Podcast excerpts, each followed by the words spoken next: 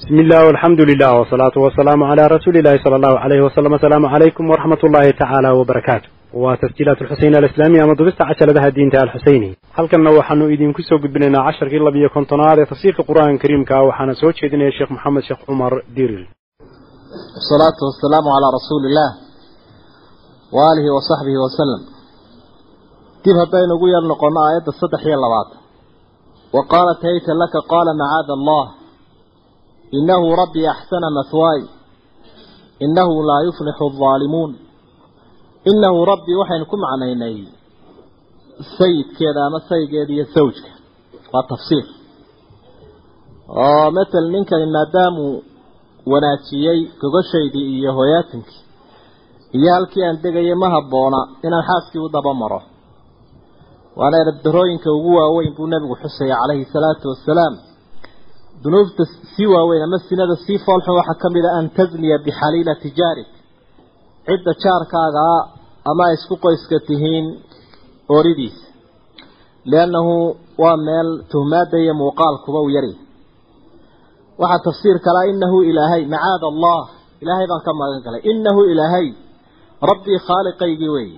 Axsana mahwaaya halkii aan degayay buu wanaajiyey ilaahay. Marka iyadoo ilaahay gogashan uu ii fidiyey oo reerkanna uu ii sakhiray suuragal maaha inaan khiyaameeyo marka labada tafsiirba way jiraan. Waxa labaadoo iyadana xusuusin ah waxa la yidhaahdo khulwada. Ama nin iyo gabadh isku gooni noqda. Dhibaatada ay leedahay. Ayaa ku muuqanaya halkaa. Waana tuu nebigu ka digay calayhi salaatu wasalaam. Markay nin iyo gabadh isku gooni noqdaan kala ajaanib ahoo aan maxram iyo sayd zawj doona isu ahayn. Shaydaan baa saddexeeya buu nebigu uhi calayhi salaatu wasalaam. Shaydaanna shaqadiisa waa la yaqaanaa. Waxaan shar ahayn ma faro. Iyo labadaa qof xagga xumaanta inuu uxudha xudheeyo oo u kaxeeyo. Markaasaa nabiga la sii weydiiyey ara-ayta alxam bal kan isaga ka waran la yidhaahdo dumaashiga. Gabadhii haddii dumaashigeedii ay isku gooni noqdaan ama guriga ula joogo alxamu huwa almowt kaasi waaba geeribu nabigu calayhi salaatu wasalaam kaasi tuhmaad yaraanta iyo waaba geeri. Idan waa lagama maarmaan. Ama aada bay muhiim u tahy islaamkuna ka hortagu dee ku dadaalaaye. In dadkaa kale ajaanibta ee isku goonida noqonaya laga digtoonaado. Oo nafta bani aadamku. Aada bay isaga daciiftay ina nafsa la amaaratun bisuu buu leeyahy rasuul. Rususha ilaahay ka midi.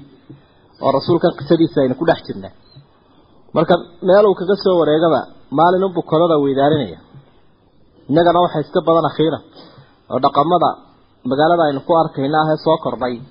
In lagu odhanayo qoladani waa solane.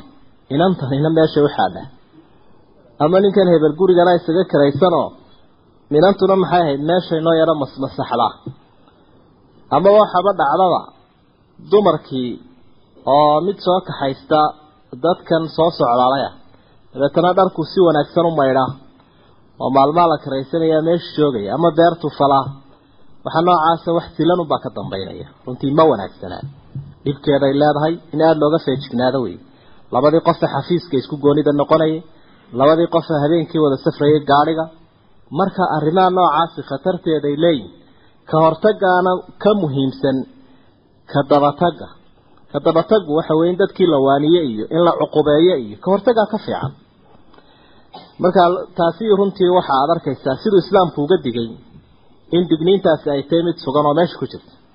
Waaya waxa markaa aynu soo aragnay iyadoo nebigani xabsigii uu ka doortay xumaanta dumarkani ugu yeedhayaan dumarkaa xumaantooda waxa ilaahay u dhaanta buuri xabsi aan galo.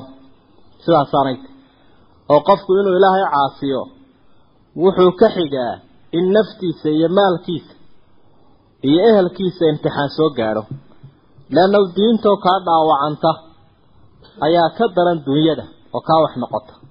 Sidoo cumar bnu khadaab lahaa radia allaahu canhu balaayooyinka ay soo maraa waxba iguma weynabu. Laba arrimood awgood. Ta hore weeyaane intay ahayd markay cumar soo gaadha balaayadu kama weynaa ee dadka kale kolka ay ku dhacdo dee balaayadu intay ahayd unbay tahay markay anigana soo gaadho. Ta labaad weeye diinta ilaahay igama rido. Markaa balaayada aan diinta igaga dhicin waxba ima yeesha buu leeyahy dabeed nebigani sidaasuu doortay asbu ilayhina asbu waan u leexan doonaa oo waan u iilan weeye. Haddaanad iga duwin.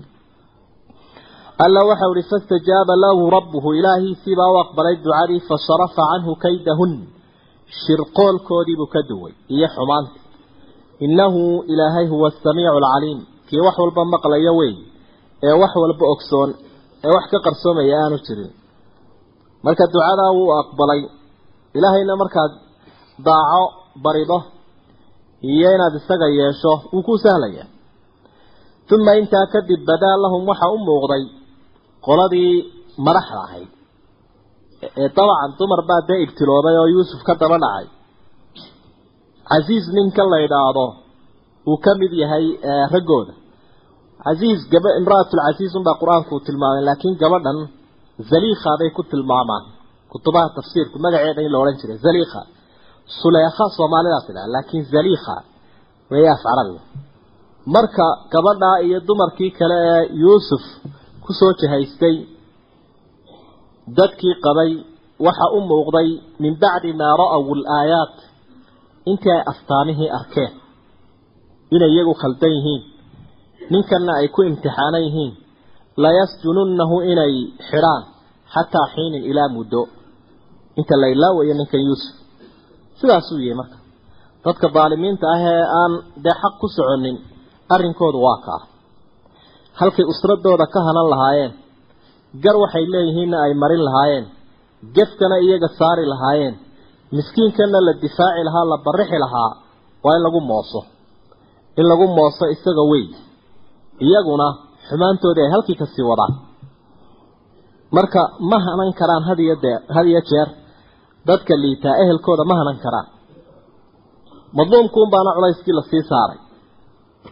Midka kale ka muuqanayaa waxa weeyaan madaxda markaanay hogaamin wanaagsan ahayn oo xaq ku socota had iyo jeer naagaha horbooda ishaaraadkooda iyo layrka cagaarana ay shidayaanna way dabagalaan gabadhani markii u horreysay arrintii ay hoosta ka xariiqday ee ay tilmaantay tii unbaa wasaaradii dhammayd iyo maamulkii oo dhami go'aan ay ku qaateen ama waa la xidhi ama xeer ciqaabeed baa la marin bayt raggii oo dhami intay shireen oo dowladdii oo dhami shirtay ayaa ishaaradii islaanta la dhaafin waayey. Iyo hala xidhadii baa la isugu uruuray. Wa dakhala macahu sijna xabsigii waxaa la galay fatayaani laba dhalinyaro ah. Qaala axaduhumaa midkood baa waxa uu yidhi manaan bay arkeen. Innii araanii waxaan is arkay acsiru khamran anigoo khamar khamri maroojinaya oo samaynaya. Wa qaala alaakharu kii kalena waxau ihi innii araanii waxaan is arkay aniguna axmilu anigoo ku sida fawqa ra'sii madaxayga dushiisa khubsan kimis ama baashaa budeenada iyo laxooxda laydha ta'kulu tayru min shimbirana wax ka hafayaanay ka cunayaan. Madaxaan laxoox ku sitaa dabeedna shimbiraa wax ka cunaya. Nimanka niman la soo xidhay bay ahaanoo boqorkay u shaqayn jireen ninkan madaxda masar ka ah. Ninna wuxuu ahaa khabaas kii baashan dubi jiray ceyshka ninka kalena kii sharaabka qaabilsanaa buu ahaa. Sabab lagu soo xidhayba xabsigay soo galeen. Yuusuf bay isugu yimaadeen calayhi salaam. Manaam bay arkeen manaamkoodiina sidan uu sheegaya. Mid khamri maroojinayo kii khamriga ka shaqayn jiray mukhbaaradda qaabilsanaa iyo kii kaleo isaguna dhakada wax ku sida la cunaya nabi'naa bita'wiilihi bay leeyihiin bal manaamkaa tafsiirkiisa noo sheeg. Oo waxaa iyo waxaasaa looga jeedaana dheh. Innaa naraaka waxaanu ku arkaynaa min almuxsiniin adigoo ka mida samafalayaasha. Kuwa aan adduun qaadane aqoonta gudbiye uun. Inaad ka mid tahay baanu arkaynaa. Sidaasaanay tahay oo waxa ay arkeen ninkani inuu yahay nin cilmi badan ku deeqaya aqoonina isma qarise iyo xikmaddu eh dee dadkii xabsiga joogay ka dhex muuqanaya. Manaamkiisaasay ugu soo gudbiyeen. Nabigana calayhi salaam waxa uu isu diyaariyey. Intaanu jawaabtiiba aayadda koob iyo afartanaad baa jawaabta tilmaamay. Dhowrkan aayadoode ka soo horeeyaaba waxa ay ka warramayaan dacwadduu fidiyey rasuulkan ilaahay. Taasina wuxuunay xusaysaa uun qofka mu'minka ahi marka imtixaanka ku jiro ma ka baxo waajibkii uu gudanayay laakiin markaasuu fursadba u helayaaba sida culimo badan oo culimadii muslimiinta ah markii la xidhay ama boqortooyinku ha xidhan ama dictaytaradu dar badan baa maraajicdooda waxa ay ku qoreen un xabsiga oo qaarkood marka loo diiday kutub ay ka raajacaan waxa ay ka qori jireen dusha dushay ka qori jireen wixii u xafidsanaa si marka haddii halkan ilaahay uu ka soo saaro uu tasxiixiyo un sidoo kale wuxuu isku dayayaa bal dadkan dhegahoodu furan yihiin xabsigana jooga waktigana ay isu heleen inuu islaaxiyo fursadda uga faa'iideeyo. Qofka muuminka ahi laakiin ma aha maalinta imtixaanu soo mare la yar qabto ama culays uu ku yimaado mid bariiqanaya oo odhanaya hohe waxani maxay nagu gaareen? Maadaanu iska daynaboo tuuraya. Maaha qaala waxa uu nabigani yidhi laa yaatiikumaa طacaamun raashin laydinma keeno. Tursaqaanihi laydinku biilinayo. Ilaa naba'tukumaa waan idiin sheegi doonaa. Bita'wiilihi tafsiirkiisa qabla an ya'tiyakumaa intaanu idiin imanin ka hor. Haddii raashin laydiin keenayo la idinku raashimayo laydin siinayo intaanu idinba imanin ayaan idinka sii warrami doonaa. Macnaa ta'wiilkiisa raashinkaa tafsiirkiisa iyo sida uu noqon doono iyo goorta uu iman doonaan sii sharxi. Qabla an ya'tiyakumaa berri waxaa cuni doontaan iyo saa dambe waxaa cuni doontaan. Waa mucjizadii rususha.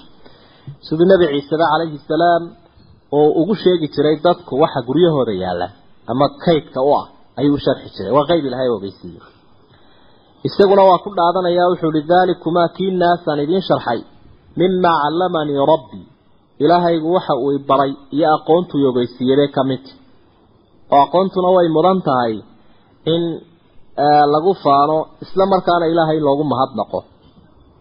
Wixii aan bartay ma odhanaya laakiin waa wuxuu ilaahay baray buu leeyay cilmigaas ilaahay baan ugu mahadnaqaya innii taraktu waxa aan ka tegaan ka soo dhaqaajiyey buuhi millata qowmin qolo diintood. Laa yu'minuuna billaah aanan la rumaysnayn. Wahum bilaakhirati hum kaafiruun. Aakhirana ka gaaloobay iyagu. Kuwaasaan diintoodii diiday oo aanan aqbalin. Marka qoladan soo xidhay iyo waxyaabihii la caabudi jiray meesha ayaa uu xusayaa inuu ka tegay. Waayo dee intii hore dee wuxuu la joogay aabihii iyo inamadoodii iyo dad muslimiina ahay laakiin kuwan soo xidhay wax kale ay caabudi jireen kuwaa diintoodii maadaama allana diideen aakhirana diideen diintoodaa kufrigaa waan iskaga tegay watabactu waxa aan raacay millata aabaa'i aabbayaashay diintoodii wanaagsaneyd ee islaamka ahayd. Aabbayaashaas ibraahiima wa isxaaqa wa yacquub inta ahaa. Oo dee midina waa aabihii waa yacquub labada kalena waa awow koobaad iyo labaad oo iyadana dee aabbaha laftiisu awowguna waa aabbo shishe un ama waa aabbo un awowguna waa aabbo ayayduna waa hooye un taasuu ku dhaadanaya. Diintiisa wanaagsan ee islaamka ah ee fiican ayuu ku faanaya. Hormuud inuu ku yahay oo dadka ugu baaqayana waa xusayaa nebigani iyagana taasuu ugu yeedhaya. Maa kaana lanaa nooma habboona buu ihi haddaanu dadka muslimiinta nahay an nushrika billaahi min shayin inaanu ilaahay wax kale la caabudno inaanu alle wax kale la caabudnaa ma habboona. Meeshana ma qabato. Maa kaana fi lqur'aan kaana oo manfiyahay waa maa yanbaqii wamaa yajuus maa kaana lanaa maa yajuusu lanaa an nushrika billaahi min shay. Macquulba maha buui ilaahay ilaahay intaasoo nicmaana siiye inaan wax kale la caabudno daalika kaasi min fadli illaahi calayna. Waa dheeraadku ilaahay dushayada yeelay. Haddaanu saalixiintaa nahay iyo wa cala annaasi dadka oo dhan ba ilaahay markuu tawxiidkiisa u fidiyu rasul u soo diray waa dheeraadka uu dadka dushooda yeelay. Walaakina aktara annaasi dadka intooda badani laa yashkuruun. Mahadnaqi maayaan wax lagu mahadnaqo waxa ugu wanaagsan. Ilaahay diintiisa iyo iimaanka iyo cibaadada rabbanaa aatinaa fi ddunyaa xasana wa fi laakhirati xasanatan waqinaa cadaaba annaar alxasana waa qofkoo ilaahay uu waafajiyo caqiidada iyo camalka suuban. Ee uu ku horumarayo aayatiinkiisa ah. Iyadoo ilaahay uu waafajiyo raasamaalka fiicanoo dabeedna uu waafajiyo inuu gowska ku qaniino. Ilaa intuu ku geeriyoonayo. Walaakina aktar annaasi laa yashkuruun. Dadka intooda badanina waa kuwaasoo ku alam tara ila aladiina badaluu nicmat allahi kufran waaxalluu qowmahum daara albawaar daara albawaar taasay doorteen yaa saaxibayi sijni buul labada nina xabsiga ku jirow ee saaxiibka ah ee xabsiga ku jirow a arbaabun ma ilaahyaal mutafariquuna kala nooc nooca ayaa khayrun roon oo wanaagsan am illaahu mise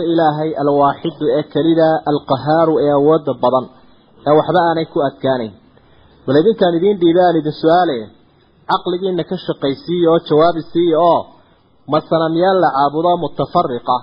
Mutafariqa macnaheedu midba waxuu ka samaysan yihi mid kanaa dhooba kanaa qoriya kanaa dhagaxa midba waa wax. Kala nooc nooc halla waxay kaaliya anfacay leeyiin aanay jir ma kuwaasaa roon mise ilaaha awood ay isugu ururtay. Maa tacbuduuna ma caabudaysaan min duunihi inta alla ka sokaysa ilaa asmaa'an waa magacyaaluun samaytumuuha aad magacowdeen antum wa aabaa'ukum idinka iyo aabbayaashiin waa magacaan manfac lahayn maa anzala allaahu rabbi ma soo dejinin bihaa ay bicibaadatiha in la caabudo min sulطaanin waxa daliilo kuma soo dejinin diin lagu caabudayo ilaahay keenay ma jiro sidaa ogaada buuli waxalla waxaasi waa magac fulaan fulaan fulaan sanamyada magacyaa loogu yeedha laakiin manfac ka hooseeya ma jiro magaca waa ismigii musamaha lagu magacaabay baa muhiima laakiin magacu muhiima. Idinka iyo aabbayaashiinna waa isku daba gasheene aqooni ma jirto. Wuu ka soo gaadhay ka kalena wuu ka soo gaadhay ka kalena wuu sii aqbalay saasunbay maa anzala allahu bihaa min sulbaanin waxay sheegaysaa ilaahayda ogolaada. Ilaahay ayaa wax ogolaado oo fasaxa wixii la yeelayaba ilaahayna fasax loogama helin. In ilxukmu ilaa lilaah xukunna ilaahay unbuu u sugnaaday. Ma alxukmu ilaa lilaah xukumu ma sugnaanin ilaahay mooye cid kale. Ilaahay baa addoommaha abuuray. Isagaana xukumaya oo maamulaya. Axkaamta iyo nidaamkay ku soconayaanna isagaa siinaya. Waxay ka dheeraanayaan iyo waxay yeelayaan. Amara wuxuu faray anlaa tacbuduu ilaa iyaah inaydaan caabudin isaga mooye cid kale. Tawxiidka usuu ugu nuuxnuuxsanaya eeg nebigaas usuushiibuu rakisayaa ugu nuuxnuuxsanaya u laqimaya keligiibuu raalli ka yeelahay in la caabudo walaa yardaa licibaadihi lkufr dalika addiinu alqayim diinta toosana rususha ilaahay uu ku soo diro. Anna aan ku socdo idina idinku hagayaa waa taa. Walaakina akhara annaasi laa yaclamuun. Dadkase intooda badani maba garanayaan. Laa yashkuruun iyo laa yaclamuun baa isdaba yaalla sidaasay intooda badani waa ka dhacsan yihiin in ilaahay keligii la caabudo diinta fiicanina ay taatay dabeetana waa kuwa gidaarada iyo shakhsiyaadka ku warwareegay. Waktigan fursad buu ka faa'iideynayaa xikmadday ka mid tahy tani udcuu ilaa sabiili rabbika bilxikmati waalmawcidati alxasana. Qofku waktiga uu iqbaalka leeyahay ee uu aada u soo jeedo ama uu baahan yahay ama uu wax kaa sugayo bay ugu fiican tahay in wax loo dhaadhiciyo wax loo sheego. Usluubka ugu wanaagsan iyadoo loogu dhigayo marka maadaama ay aqoon marti uga ahaayeen waxna ka sugayeen oo manaamkan cabirkiisa wuxuu marka hore u dhiibay fariintiisan cajiibka ah iyaguna ay u baahan yihiin dee waajibkiisa oo gutoo dacwadda ah. Manaamkiibuu cabiraya yaa saaxiibayi sijni labada nin xabsiga ku jira saaxiibka ah ow amaa axadukumaa midkiin fayasqii rabbahu khamraa wuxuu waraabin doonaa rabbigiisa khamri macnaha ka sayidkiisa ah ee maamulkiisa ama madaxda u ah khamrigiibuu u shushubi doonaa horeba u waraabin jiray. Oo xabsiguu ka bixiyo shaqada halkiisiibuu ka sii wadi doonaa. Wa ama alaakharu ka kalena fa yuslabu waa la deldeli doonaa intoo la dilo. Kii khabaaska ahaa fata'kulu tayru shimbiraha ayaa ka cuni doona min ra'sihi madaxiisa kugta ayay shimbiruhu ka cuni doonaan buuli. Laxooxda arkay waa jidhkiisii uun macnaa intoo la deldelo baa baktigiisa halkaa lagu dayn. Dabeetana shimbiraha cuni. Go'aankiisa manaamka cabirkiisi sidaasuu noqday. Marka labadii nin way bixi. Midna waa la dili midna waa la dayn. Ilaahay baa marka manaamka cabirkiisana sidaa u baray. Manaamka cabirkiisuna kolley dee culimada muslimiinta laftigoodu iskumay mid ahayna rag baa baaric ku ahaa ama aada u yaqaanay iyadoo nusuusta dee nooc ilhaamana waayahay haddana nusuustana waa laga ikhtibaasaa qur'aan iyo xadiidba midiba sida waxu dhigay. Waxaa markaa muuqanaysa qudiya alamru aladii fiihi tastaftiyaan kolka laga jawaabta ah kaanamaa oo yidhaahdeen waanu iska ciyaarayn. Oo malaha dee waxba waanu ku imtixaanayno dabeedna wuxuu ihi qudiya waxaa la go'aamiyey alamru arrinkii alladii arrinkaasoo fiihi isaga tastaftiyaan ee cilmi weydiinayseen fatwada iyo cilmiga arrinkii ay iga weydiiseen ee tidhaahdeen wax nooga sheeg go'aankiisii sidaasuu u dhacay. Nin waliba qaybtiisa ha calfado. Qudiya alamru aladii fiihi tastaftiyaan arrinkaa go'aankiisu cayn wa qaala waxau ihi nebi yuusuf liladii kii waxa uu ku yidhi isagoo fariin u dhiibaya danna uu u maleeyey annahu isagu naajin inuu nabadgelayo. Kaasoo minhumaa labada nin xabsiga ku jira ka mid a labadii nin midi waa kan dee sharaabka samayn doono oo waa kuu u maleeyey inuu nabadgelayo. Midna waa kii uu maleeyey inuu geeriyoon doono ama la dili doono. Haddaba kii uu u maleeyey naajin inuu nabadgeli oo aan la dilaynin oo minhumaa labada nina xabsiga ka baxaya ku jira ka mid a wuxuu ku yidhi fariin buu u sii dhiibtayoo udkurnii bal waxaad igu xustaa cinda rabbika sayidkaaga agtiisa. Sayidkaaga agtiisa. Oo had iyo jeer ereyga rabbi baa soo noqnoqonaya waxa aad ka arkaysaa dadkani inay diin la'aan ku sugnaayeen. Dadkuna markaanay diin haysanin madaxdoodunbay caabudaan. Iyaga laftigoodunbay halkii ilaahay geliyaan oo ay ka amar qaataan oo ay sidii ilaahay loo adeeci jiray u adeecaan ilaa waxaa jira waa cibaadatulcibaad weeye marka addoomuhu inay iscaabudaan ayaa dhacaysa. Dabeetna sibqada ama muuqaalka iyo latiifada lagala baxayo ereyga rabbi ee soo noqnoqonaya waa markuu yeedhaya rabbii buu leeyahy sayidkaygiiow laakiin waxaa ka muuqanaya in sidii ilaahay loo adeeci jiray iyagana ay u adeecayaan xaqii ilahay siinaya. Wuxuu yihi udkurnii cinda rabbik. Waar balka sayidkiiyo madaxda ku ah igu soo qaado agtiisa agtiisa igu soo qaado wallaan in halkaa aan ku arko xidhan oo yuusuf la yidhaahdo. Warkayga bal halkaa ku sheeg. Waxaa halkaa ka muuqanaya dadka had iyo jeer dawaaqiidda ama dulmifalayaashu maamulka faasidka ahay marka uu dadka xabsi dhigo uu ku ilaawaawo alambaqa ma maqasho waa lam yabqa caalam alambaqa caalam maa baqi. Caalamkii wuu hadhay macnaha waa labadha wey kolkaa halkaa kol haddii ay qofka ku xidhaan wuunoo lagu ilaawaawo laakiin dadka cadaaladani cidda ummadda ugu culays badani ee ay aada cidhiidhi uga dareemayaan waa dadka xabsiga ku jira. Oo ay leeyihiin talow hebel ma cadaalad buu ku xidhan ilaan hebel sharaf lebaa ii xidhan waxaa ka wanaagsan hebel sharaf lebaa ila shaqeeya. Hebel sharafle wuu ila shaqeeyaabaa ka wanaagsan oo qofka wanaagsan uu dareemaya hebel sharaf lebaa ii xidhan. Oo aan ka arsaday sidaa daraaddeed ayaa in badan uu ka warwaraya kutubaha muslimiinta ee baabulqadaa ama baabulimaara siyaasadda shareecada ka hadlana qofka maamulkaa marka u horreeya ee loo dhiibo madaxtinimada ama maxkamad bahaya cidda u horeysa arrinkooda uu lafaguraya waa cidda xabsiga ku jirta xidhan. Muxuu xidhan yahay? Maxaq mise baatil marka meesha waa la ilaaway. Cidda halkaa lagu riixo way u dhammaatay. Dabeedna waa la ilaaway baa muuqata halkaasoo dee sida naskuba uu tilmaamayo muddo ku jira.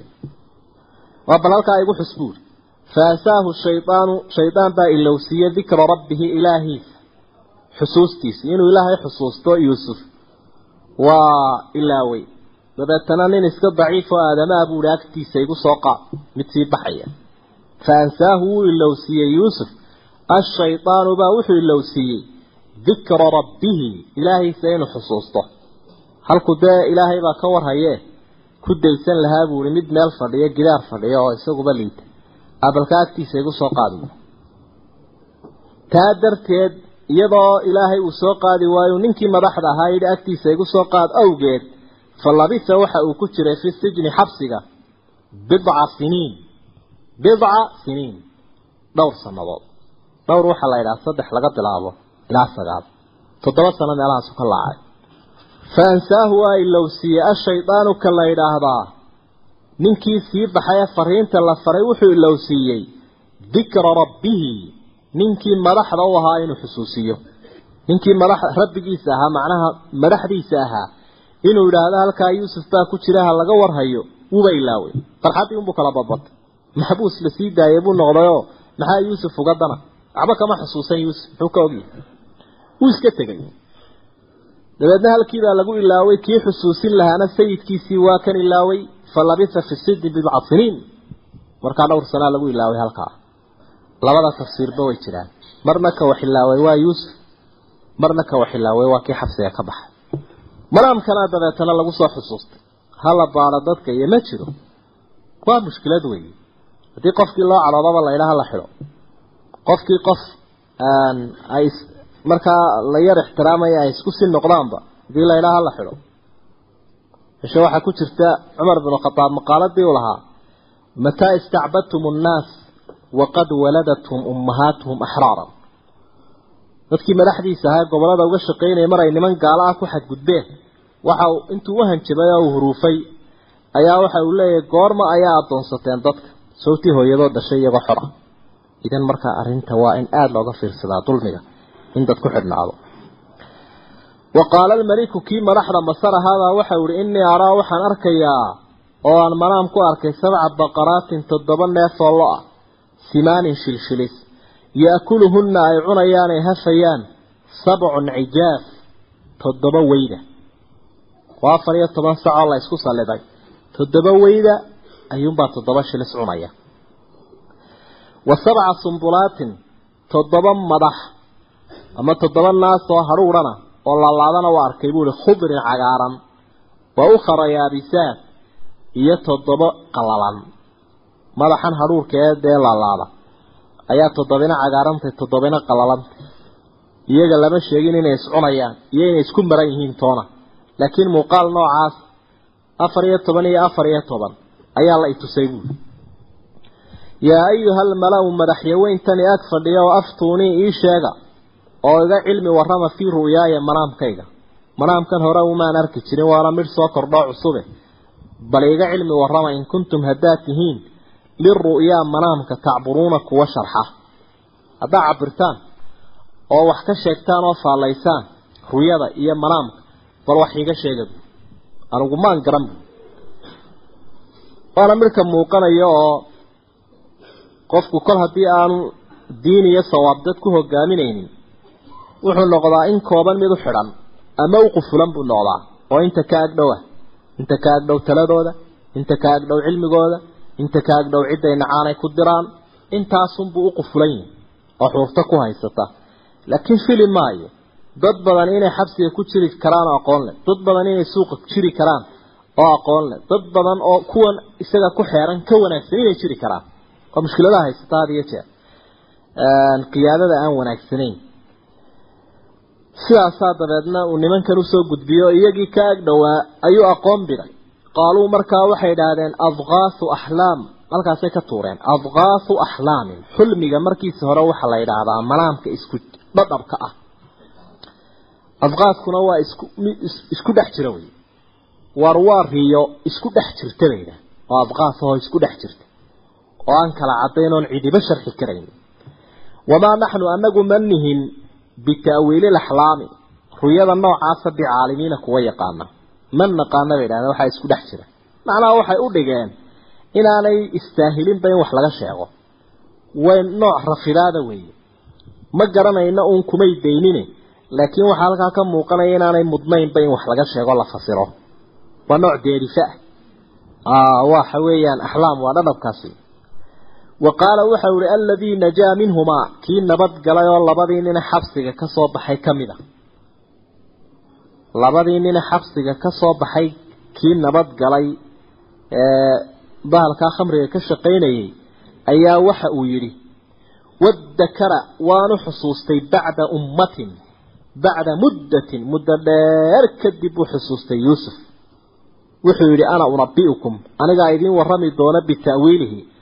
maraamkan cabiraadiisa iyo tafsiirkiisa e faarsiluuna idira buui sidaasuu yidhi.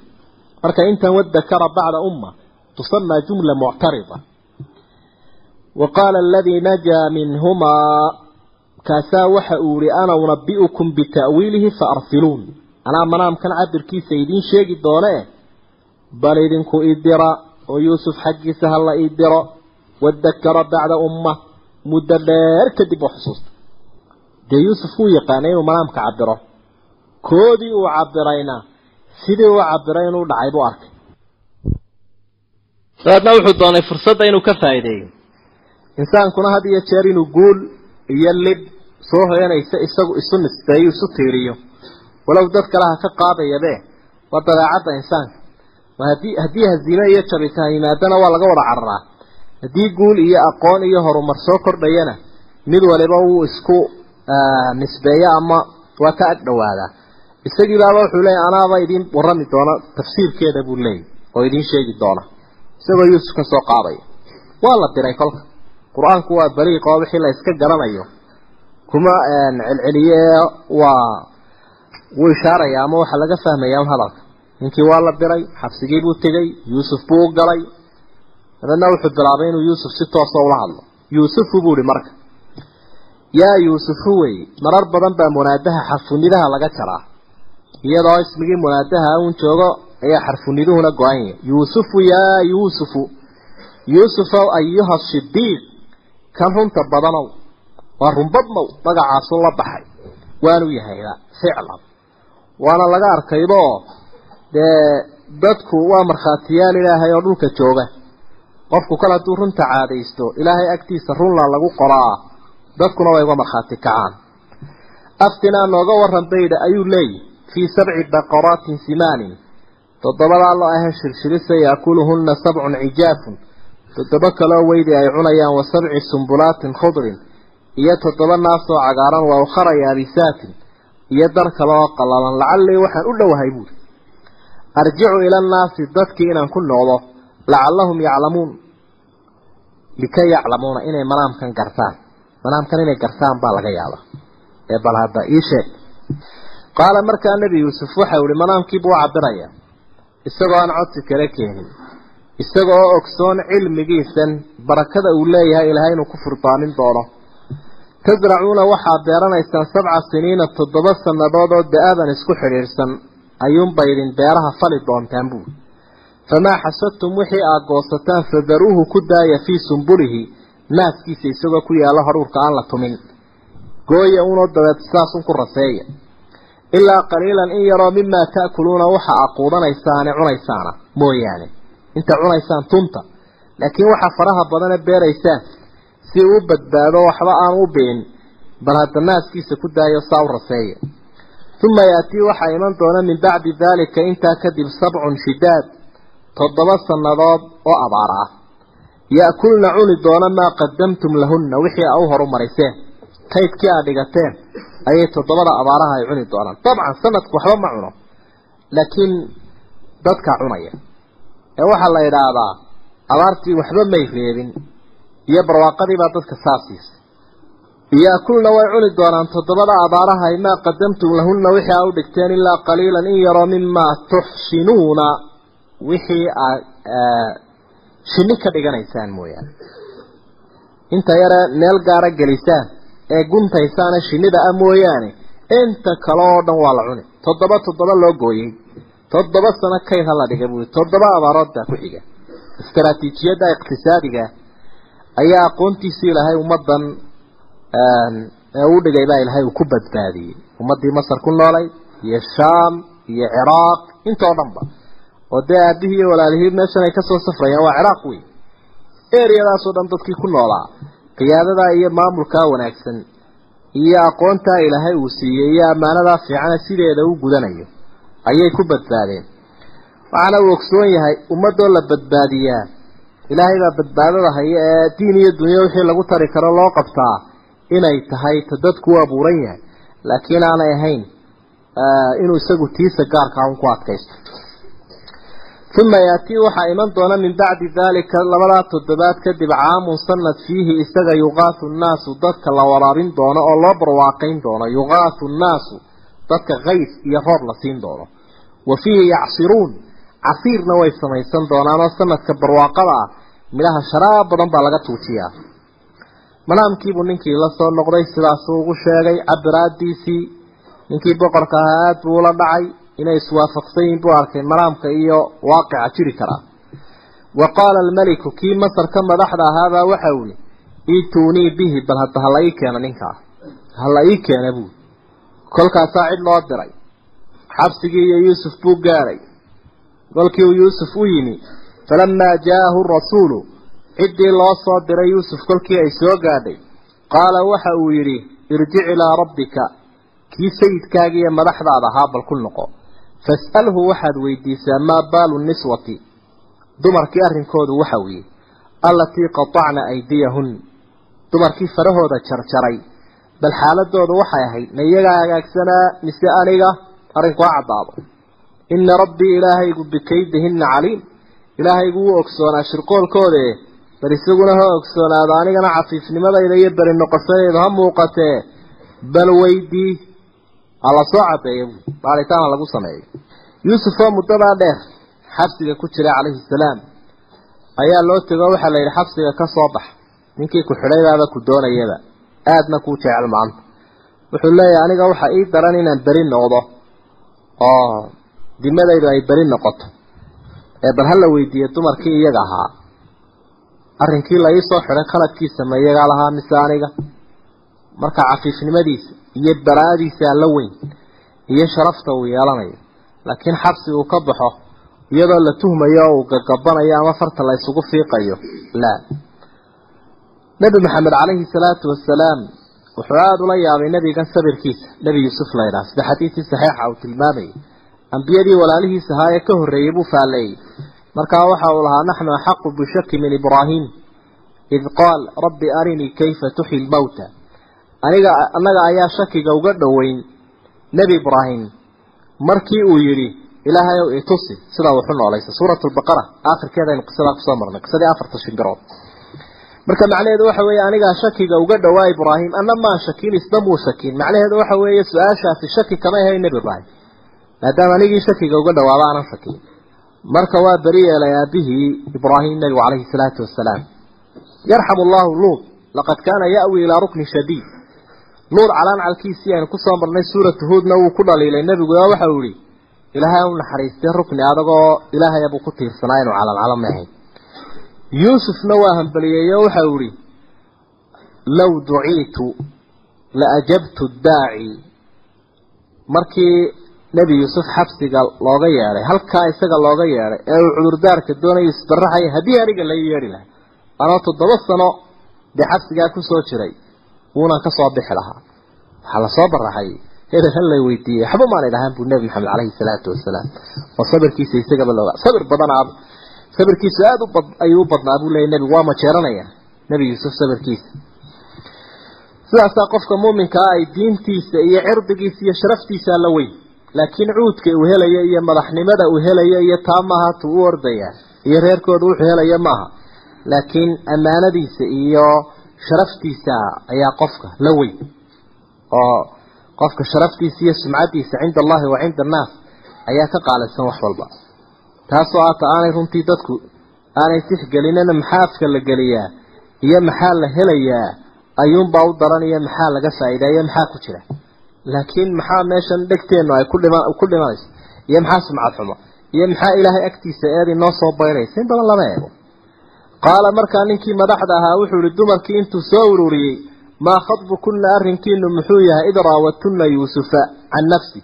Markii yuusuf raajiciseena doonteen ee weerarteen warkiinu muxuu ahaa bal caddeeya ma isagaa khaldanaa mise idinka waa goorma. Qulna waxa ay yidhaahdeen xaasha lilaah ilaahay baa xumaan ka hufane maa calimnaa calayhi min suu'in. Wax xumaana kuma ogin ninkaa. Wax xumaanahoo aanu ku ognahay ma jira bay yidhahdeen dumarkii intay soo saareen bayaan iyo baaq ay ka jawaabayaan boqortooyada u dhiibayaan. Waa muddo dheer markii uu xabsiga ku jiray qaalat waxa ay tihi imra'atu alcasiiz ninkii casiiz la odhan jiray xaaskiisii alaana imika xasxasa alxaqu. Xaqii uu caddaaday. Inaan anagu xumaanta lahaa yuusufna beri yahay. Ana raawadtuhu can nafsi. Anigaa naftiisa ka doonay. Wainahu la min asaadiqiin isaguna wuxuu ka mid yahay kuwa runta sheegay sidaasaa iyaduna ay ku jawaabtay. Arrinkii halkaasaa ummadda dhexdeedii ilaahay kolkiisa horeba uu ogsoonaaye oo isku baraxay nebigaa nebi yuusuf la idhaada qaala markaa waxa uu yihi nebi yuusuf isagoo tilmaamaya xikmadda uu codsigan u soo qadimay facaltu dalik weeye cillada ficilku. Sida maaragtay laga fahmayay arrinkaa waan sameeyey liyaclama si u ogaado ninkan oo isaga ahee madaxda ahi annii anigu lam akunhu bilgayb isagoo iga maqan inaanan khiyaamaynin inaanan khaa'in ahayn. Isagoo xaaskiisii ka maqan aan khiyaameeyey. Si uu taa u ogaado ay caddaato awgeed ayaan warkan u codsaday buuri wa ana allaha ilaahay laa yahdii ma hanuuniyo. Kayda alkhaa'iniin kuwa. Khiyaamada badan shirqoolkooda ilaahay ma hagaajiyo. Anigoo taa ogsoonaa iyo anigoo isaga tan ogeysiinaya awgeed ayaan saa u yeelay taasaa igu weynayd buu leeyihi halkaa waxaad ka arkaysaa qofka muslimka ahi isaga oo ogsoon inuu namuudad iyo tusaale dadka u yahay. Tusaaluu dadka u yahay. Wuxuu og yahay dhagxumaduu soo jeedaa soo jiidaa dadka muslimiinta iyo islaamkaba inay saamaynayso oo la odhanayo makanaa muslima. Waxaan samaynaya islaamku maka noocanaba ilaan waxa uu qoftani noqday qof cid ka socda oo markaa muuqaal xun bixiyey.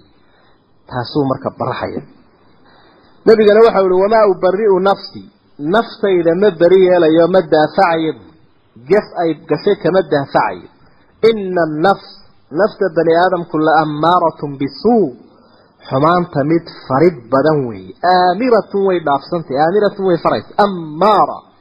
Aad bay nafta bani aadamku qofka u fartaa xumaanta. Ilaa maa raxima rabbii. Ilaa man raxima rabbii ilaahaygu cid uu naxariista mooyaane. Kuwaasu isaguna ku jira. Dadkaanay naftoodu xumaanta farina naftooda muquuniyey. Ee ilaahay u naxariistay buu nebigani ku jiraa ina rabbii gafuurun raxiim ilaahaygu dembiga u dhaafaa u naxariistaa buu nebigani.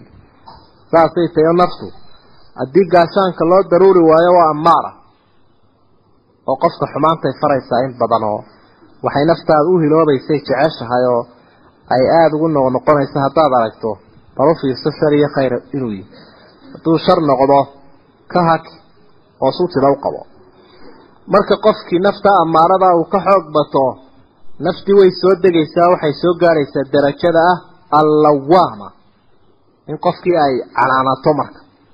Oo qofku kolkuu macsiyo iyo ges galo ay canaanato. Sidaa ku sugan suuradda xasido bilowgeeda waxa marka ay u sii gudbaysaa kolka waxaan leeyahay suuradda suurat lqiyaama bilowgeeda way ka sii gudubtay ina nafsa la amaaratun bisuu way ka sii gudubtay amaara oo waxay noqotay lawaama. Lawaamadiibuu qofkii kala dadaalay oo iyadana waa sii dhaafiyey oo isagiiyo naftiisii way isaqbaleen oo horey u socdeen markaana waxay u gudbaysaa ta la yidhaahdo almudma'ina almudma'ina naf degan oo xasiloon oo wixii khayra ku degan sidaa wixii shar ahaa ay uga soo dayrisay qof. Way sii dhaaftay halkaana waxay noqonaysaa raadiyatan mardiya. Sida suuratu lfajri ilahay uu ku tilmaamay. Wa qaala wuxuu yihi almaliku ninkii madaxdaa ituunii bihi ii keena. Astakhlishu linafsii naftaydaan gaar uga dhigaya. Ninkaasi xokayn buu ii nebi yuusuf intoo la soo kaxeeyo xabsigii laga soo saaray. Falamaa kallamahu kolkii uu la hadlay ninkii boqorka ahaa yuusuf qaala wuxuu ihi innaka adigu alyawma maanta ladaynaa agtayada makiin. Makiinun amiin. Makiin duu makaana. Darajaad gaadhay. Waana lagu aamino amiin baa tahay maanta madaxnimona waa lagu aaminayaa. Darajo salena waanu ku siinaynaa. Sidaasuu yidhi markaa insaanku kolka uu ilaahay iska dhiso ummadduna horay bay ka sii hoggaansantay. Markuu laakiin ummadda ka daba dhaco ilaahayna iyagu ku dirayaa ninkii madaxda ahaa halkaasuu mariyey nebi ibraahim marka nebi yuusuf calayhi salaam imtixaankii hore halkaasuu kaga dhammaaday ee ceelkii lagu riday iyo kii isaguna la xidhiidhay dumarka iyo xabsiga. Imtixaankii ahaa bilbalaa waa dhammaaday. Imtixaankii ahaa bilkhayr iyo wixii wanaaga lagu imtixaanayiyo wax u soo kordhay madaxnimo iyo maal kiibaa bilaabmaya. Qaala markaa nebi yuusuf waxau ihi ijcalnii iyaal oo madax iga dhig calaa khazaa'ini alard kasnadaha dhulka.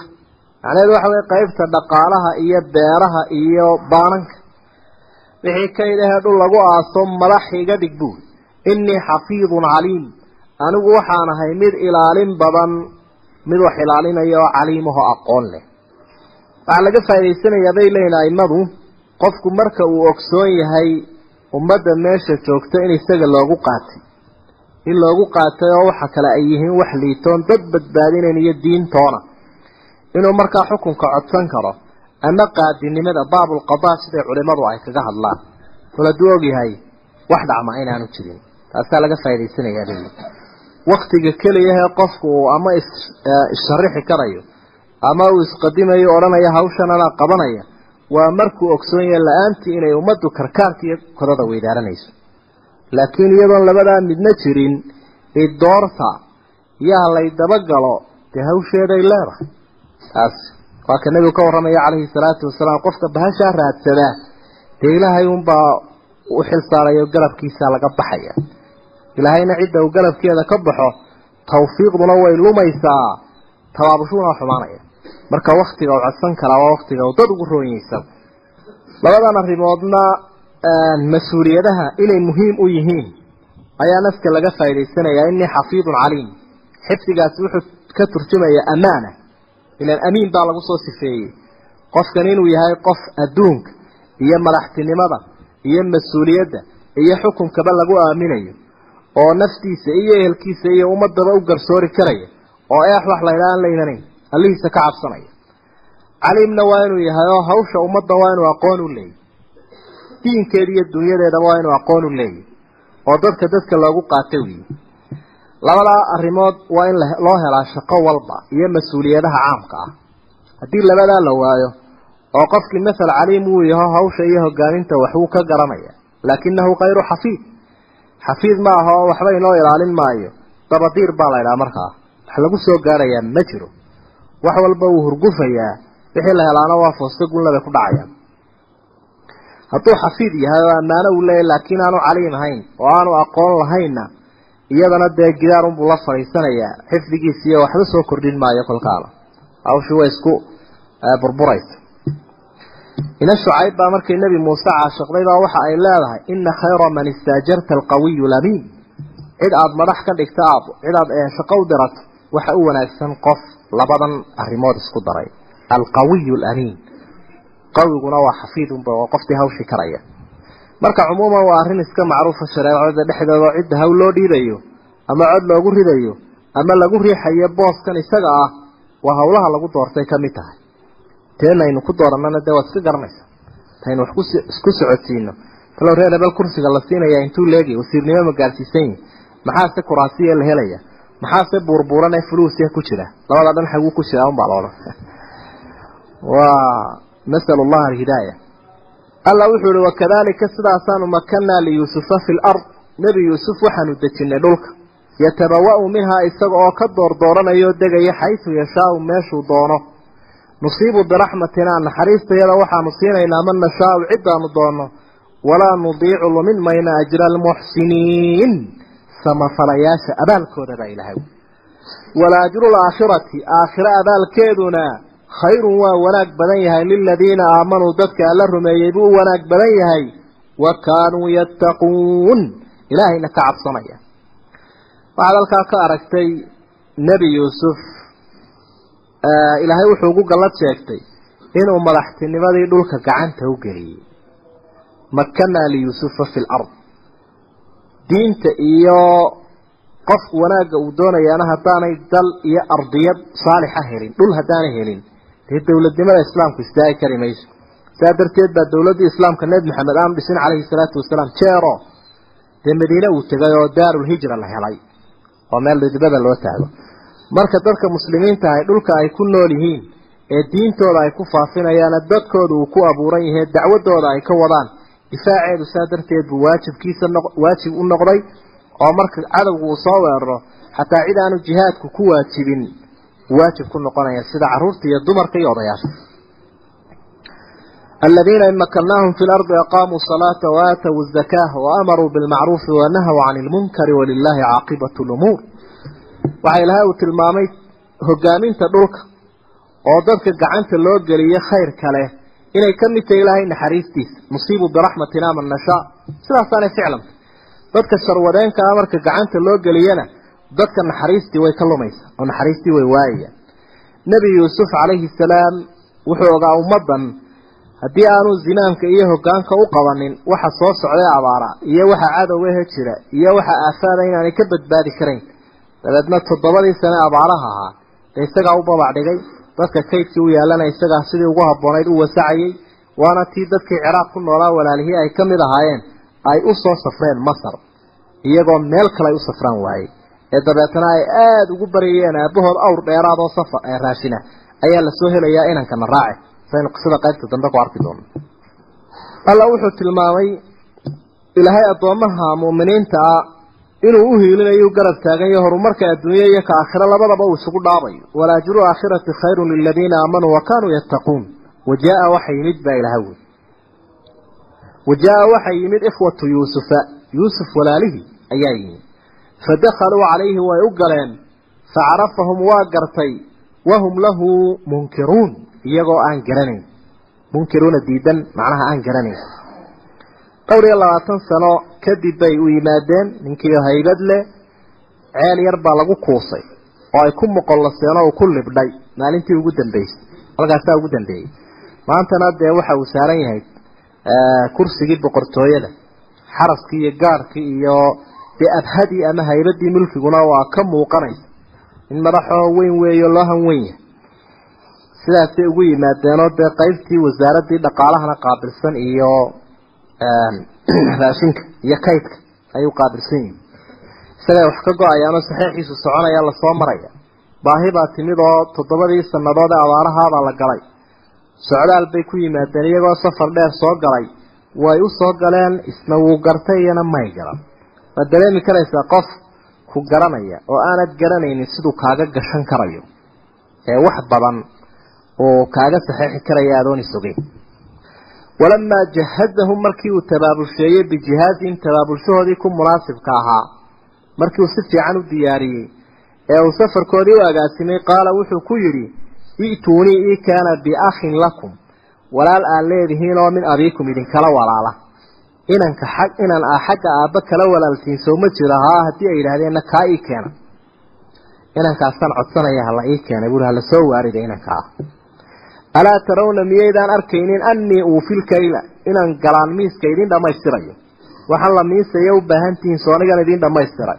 Wa ana khayru lmunziliin cid marti geliso oo idin sooriyeysana dee anaa u roombu waa idinkaa arkayo oo dee isugu kiin hagaajiya wixii aa u baahnaydeen hadday tahay sooriyadii iyo hadday tahay dejintii iyo hadday tahay safarkii miiskiisiiba intiiba imtinaankaana waa u raaciyey fain lam ta'tuunii haddii aydaan ii keenin bihi isaga falaa kayla lakum cindii wax miise agtayda kuma leydin buui galaan la idin miisayaan ma jiro walaa taqrabuunii walaa taqrabuunii iimana soo dhawaanaysaa hadidaadaana wuu dhiibay waxaa la faray hadday yeeli waayaan waxaasaa fulaya raashinna la heli maayo dalkana la soo geli maayo intaasi u dhiibay maxaa kale ay ka odhan be way u baahan yihiin way arkayaan intan dhowr bilood kadibba in lagu laacayo haddana inay soo noqdaan ay daruurita qaaluu waxay idhahdeen sanuraawidu canhu waanu ka raajici doonaa abaahu aabihii ayaanu bal ku noqnoqon doonaayo aanu isku daya inaanu ka soo faramaroojino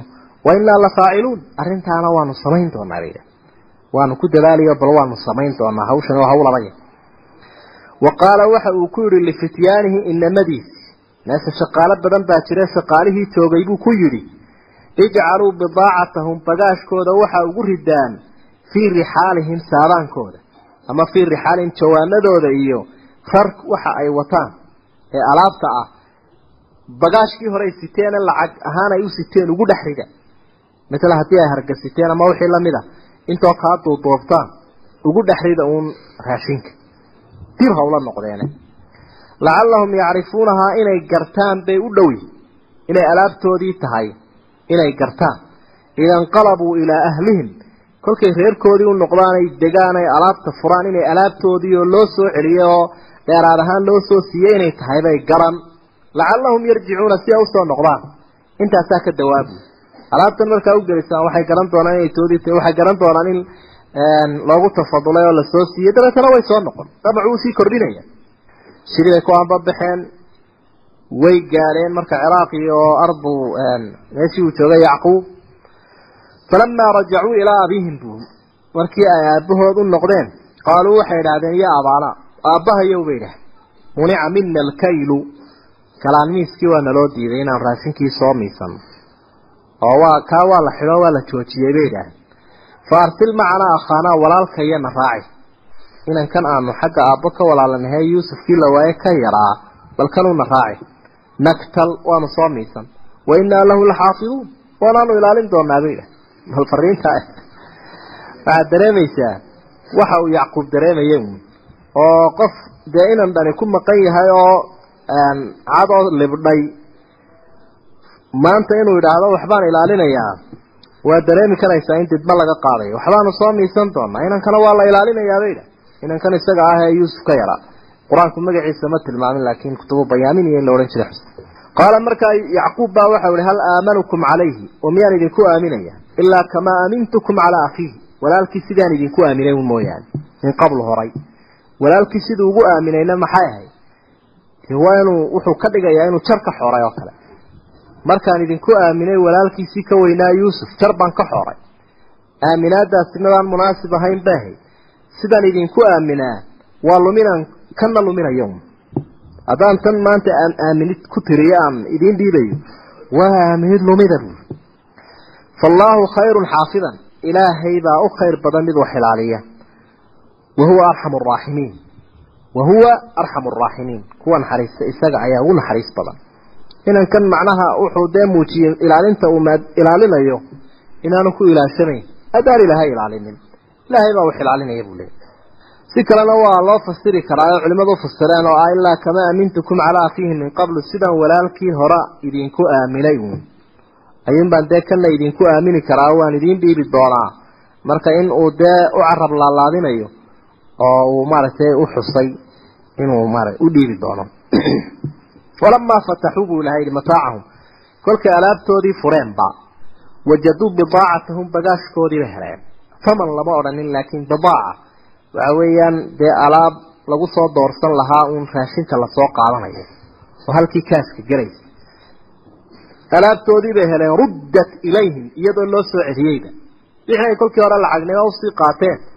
Ee ay doonayeen raashinka inay ku soo iibsadaan. Ee masar laga isticmaalayo loo soo celiyeyba arkay qaaluu dabeedna waxay dhahan yaa abaana aabbahayow maa nabqii maxaanu doonaynaa inaga maqan maxaynu doonaynaa? Warku wuu inoo dhan yahi haadihi bidaacatunaa tani waa alaabteenii ruddat ilaynaa waana laynoo soo celiyey. Tani waa alaabtii hore aanu la safarno waaba tanba way soo noqotay. Ninku wanaagsana. Ninku odayga ah ee aynu u tagnay ee inoo soo miisay wax. Macnaha way u xayeysiinayaano waxay leeyihiin alaabtiina inoo soo celi waxba inagama maqna. Wanamiiru ahlanaa ehelkeennaynu u miisan. Macnaha dee ehelku maaha kala miisaye. Wanamiiru ahlanaa liahlina namiiru acaama liahlina raashin baanu soo miisan oo ehelkeennan baahan baynu u soo miisi doonaa wanaxfadu akhaanaa walaalkayana waanu ilaashan doonaa wanasdaadu waxaabaanu soo kororsan doonaa kayla baciir kayla baciir. Awr miiskii ama awr raashina. Ilaan meeshu waa madaxka kow. Oo qur baa wax lagu tirinayaa qof waliba waa inuu awr kaxaysto inanka laftiisana awr baanu ku qori. Sidii qof walaba uu kaadh u lahaa wax ugu qaato kan laftiisuna kaadhkiisuu ku hawlgeli doonaa wax ku soo miisami ku soo qaadan doonaa raashinkiisa. Awrkaa dheeraadkii waa daalika kaasi kaylun yasiir. Waa mid fudud bay yidhahen waa miis fudud. Macnaha wuu ku sahlan yahay ninka boqorkeenu aragnay saxalnimadiisa ee waxaanoo raashina noo soo miisay ee lacagtii alaabtiina noo soo celiyey. Daalika kaylun yasiirun ay cala almelik ninka boqorka aad bay ula sahlantay kaanu aragnay xayeysiiskaa faraha badan iyo marawxadda ah ayay odaygii ku bilaabeen isaguna kolkii ay ka soo dhaadhaceen. Ilaan ubadku waa balaaye mar hadduu wax kugu celceliye ayaa dabeedna uu ballan unbuu ka qaaday sidaasaanu ugu dhiibay inankii yuusuf ka yaraa. Wallahu aclam